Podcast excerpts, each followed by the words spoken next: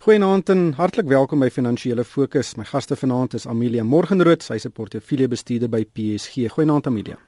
Goeienaand Ryk. En Gerard Lampen, hy's 'n ekonom en 'n aandelemakelaar by Sanlam iTrade. Goeienaand Gerard. Uh, Goeienaand.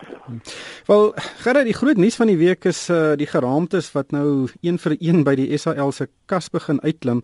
En ons het hierdie week verskeie stories gesien oor die lugdiens se geldsaake en oor persoonlikhede by die SAL eh, wat dalk ander agendas het as om die lewensvatbaarheid van die lugdienste as die eerste prioriteit te stel. Um, ons het interdikte teen mediagroepe gesien, iets wat nie elke dag gebeur nie.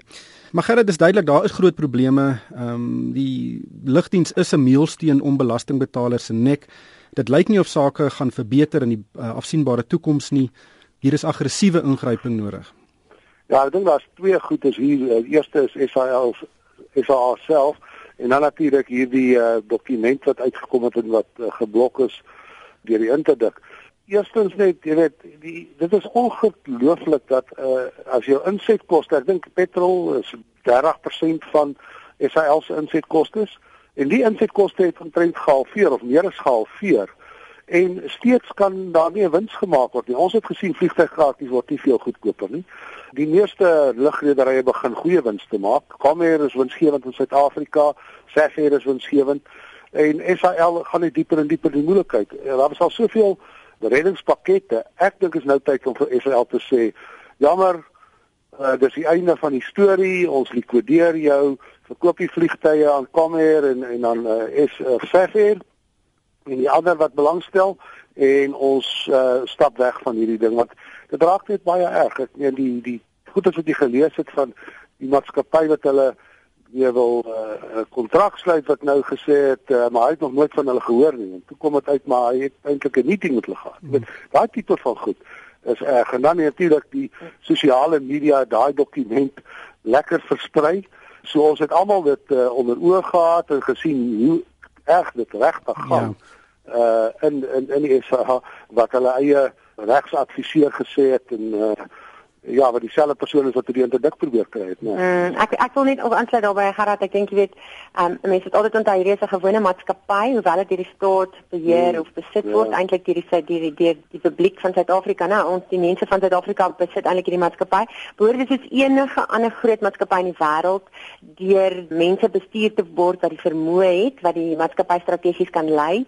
Ehm um, en ek dink dit is redelik onder verdenking wat die staatsbeheerde instansies in Suid-Afrika betref en ook die SAL. Ehm um, mense sê mense is seker of die raad en die bestuur van die maatskappy in staat is om hierdie maatskappy ja. ehm ja. um, vorentoe te vat en te omskep in 'n winsgewende besigheid.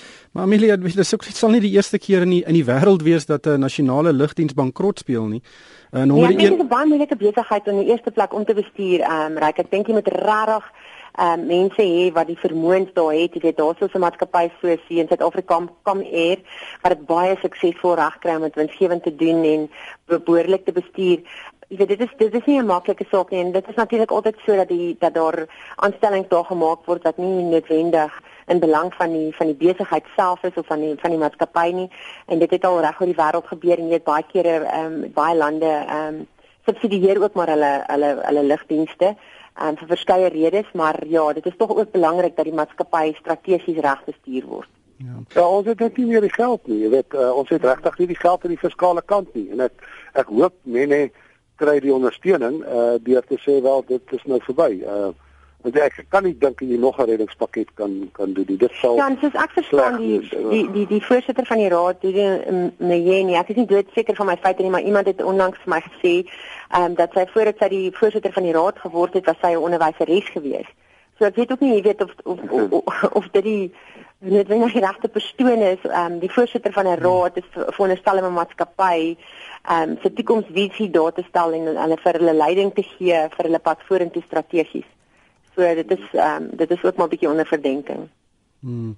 Gerard, ek wil die gesprek verskuif na die ekonomie toe. Uh, ons het hierdie week die publikasie van twee ekonomiese aanwysers gesien. Albei was baie negatief. Die een wat vir my uitstaan is dat die uh, Buro van Ekonomiese Ondersoek en uh, sy sakevertroue indeks uh, is weer op 'n 5 jaar laagtepunt en en hy is besig om baie baie skerp te duik en, en uh, die peiling het gewys dat 6 uit elke 10 ondernemings is baie negatief oor die toekoms. Um, en dit is regtig nie goeie nuus nie en dit sluit aan by die uh, ekonomiese groei syfer wat ons gesien het vir die derde kwartaal van uh, 0,7%. Gelukkig is dit aan die regte kant van 0, maar dis nog maar steeds uh, dit gaan maar broekskeer in die ekonomie. Ja, ek ek dink dit is hoekom uh, besighede negatief is, is oor die ekonomie baie vinnig verlangsaam. Uh jy weet as mens net kyk na die jaar op jaar syfers uh wat eintlik makliker is om te lees. Jaar op jaar in die eerste kwartaal het ons 2.2% gegroei. Die derde kwartaal het ons uh, jaar op jaar 'n positiewe groeikoers van 1.3 gehad en in die derde kwartaal 1% wat jou gemiddeld gaan gee van uh so 1.5%. Uh so jy kan sien elke kwartaal kom dit af daai negatiewe groeikoers kwartaal op kwartaal van die tweede kwartaal daar moet 'n uh, herstel kom daar moet 'n uh, jy weet 'n nuwe uh, berekening gedoen word want daar was 'n baie groot uh, item van 2.2% wat uh, wat nie eintlik verklaar is nie. So dis 'n baie groot getal daai. En uh, ek dink dit dit sal op 'n stadium sal daar 'n uh, wat hulle noem 'n uh, uh, revision uh, uh, gedoen word. Aanpassing ja. Aanpassing gedoen word. So ja, de, de, ek sien besighede behou hulle kontant en hulle gaan nie investeer nie en dit is uh, dit is dis regtig ernstig jy weet uh, vir vir ons ekonomie vir werkskepping en veral vir die fiskus ook. Ja, ja ek um, ek ek het gelees en uh, die politieke analis uh, boek W.R. Johnson. Hy skryf daarso dat Suid-Afrika um, op pad is na uh, wat hy noem 'n investment strike, nou 'n 'n hmm. staking in belegging en dit is ook wat ons uit hierdie besigheidsvertroue syfers kan sien. Ehm um, dit wys daarop dat daar 'n baie lae moontlikheid is um, van werkskepping of belegging in maatskappye self weer terug in die in die ekonomie in. En alles dui daarop dat dit dat dat dat dit besig is om te gebeur. Hy skryf in sy boek dat dit 4 keer gebeur het in die laaste eeu en dat Suid-Afrika baie vinnig is op pad sin toe. En as jy gaan kyk na syfers soos die ehm um, kontant wat maatskappye hou op hulle balansstate, jy weet dit is op rekord hoë vlakke. Ehm um, ja. dan sien jy hierdie besigheidsvertroue in 'n uh, indeks wat so laag is en jy besef en dit dit dit eintlik reg deur die hele ekonomie loop nou by dit is veral by die nuwe motorhandelaars, die konstruksiesektor, ehm um, groothandelaars, ehm um, die ouens wat eintlik geld in infrastruktuur ook moet belê wys dat hulle nie dat hulle baie versigtig is en dat hulle bang is en wat die ergste is hierdie besigheidsvertroue syfers het is nog geneem voordat rentekoerse verlede week gestyg het. Hmm. Ons het navorsing by Moneyweb gedoen um, en op die oomblik die top 100 maatskappye op die Johannesburgse aandelebeurs het meer as 400 miljard rand se kontant op hulle balansstate. Nou om dit in perspektief te stel Gerrit, dit is omtrent 40% van die nasionale uitgawebegroting. Dis 'n geweldige groot hoeveelheid geld. Ja, ek ek kan nie, jy weet dit is regtig uh ek dink 'n fout gewees uh van uh uh die gouverneur van die Reservebank om eintlik die komitee dan om rentekoerse te verhoog want uh jy weet jou jou ons weet almal dat die inflasie druk kom van die koste kant af uh en nie van die vraagkant af nie. Nou natuurlik kan jy bang wees dat uh maatskappye kan dit gebruik as 'n verskoning om pryse op te stoot. Maar as vraag so swak is, is dit absoluut onmoontlik vir maatskappye om uh meer as die inflasie of die, die koste druk uh pryse deur te sit. So hulle moet eintlik uh, marges gaan vernou, so dan gaan eintlik uh, baie minder inflasie deurkom van daai koste druk goed soos uh, verhogings in elektrisiteit en die swak rand en die goed. So uh, in daai opsig, uh, jy weet, is is dit 'n groot fout geweest om rentekoerse te ver, verhoog en ek begin redelik bekommerd raak as ons vorentoe gaan en en ons uh, groeikoers uh, van volgende jaar nog swakker dat uh, jy weet dat ons kan kry dat hierdie graderingsmaatskappye uh bekommerd raak oor ons fiskale hmm. tekort en dat uh, ek dink nou nie ek dink nou nie uh, binnekort ek dink nie Desember sal daar veel gebeur nie maar uh, ek dink volgende jaar op 'n stadium kan dit gebeur dat uh, dat hulle ons uh, weer afwas gradeer en dit kan 'n uh, uh, baie lelike ding wees. Ja, um, Amelia Standard & Poor en Fitch gaan volgende week uh, gaan hulle hulle graderings aankondig. Die verwagting is dat dit uh, stabiel gaan bly, maar as ons teen die huidige traject um, aangaan is 'n uh, afgradering onverwendbaar.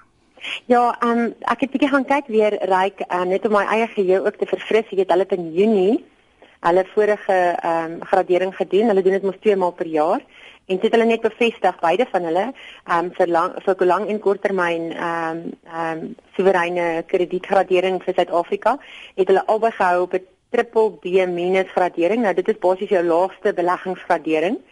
Um en uh, S&P op daai stadium in Junie het gesê dat hulle vooruitsig stabiel is vir Suid-Afrika. Um en ek gaan vir jou lees wat het hulle gesê.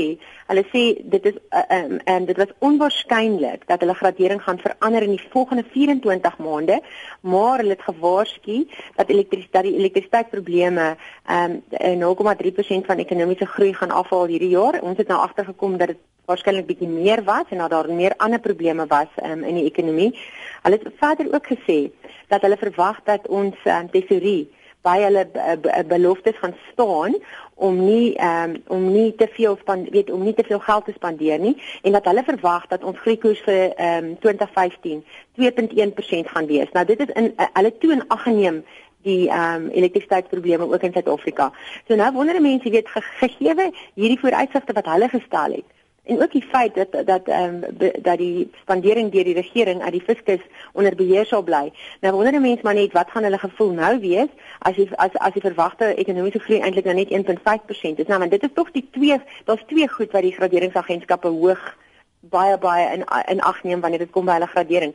Eerstens is dit is dit ekonomiese groei en dan tweedens is dit die begrotingstekort of die grootte van daardie begrotingstekort en die staatsbeheerde instellings wat ons nou net sien wat al hoe meer weet uh, deurlopende probleme het. Dit is alles uh, uitgawes wat glad nie voorbegroot is en ehm um, deur ons minister nie.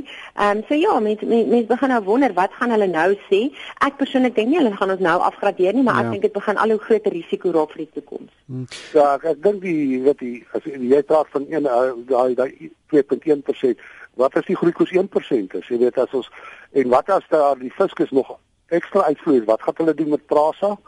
se biljoene, wat gaan hulle doen met SAA se biljoene? Uh soos daai goed is nog ook uit die tesourier uitkom. Ehm uh, en nou het jy nog die uh ekstra effek dat jou jou met jou swakker ekonomiese groei gaan jou belastinginkomste daal. So ons gaan heel waarskynlik volgende jaar vir belastingverhogings moet kry.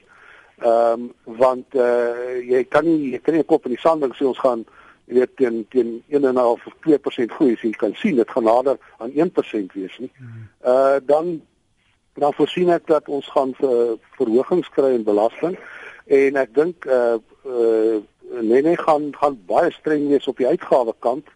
Uh weet want as jy belasting verhoog, moet jy daarom iets in ruil doen om teen die uitgawes anders te gaan jou belastingbetaler uh die land verlaat. Ja. Uh en dan het jy nog meer probleme daar smaak klaar al wat 'n klein persentasie van mense wat wat die grootste deel 80% van die belastinglas dra.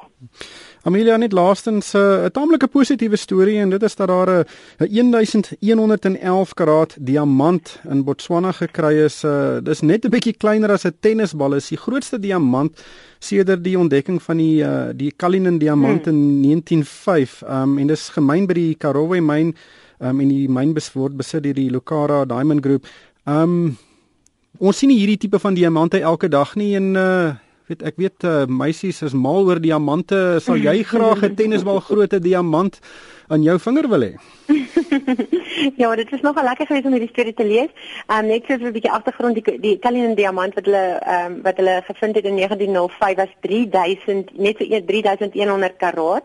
Hierdie um diamant is 1111 karaat wat hulle nou gevind het.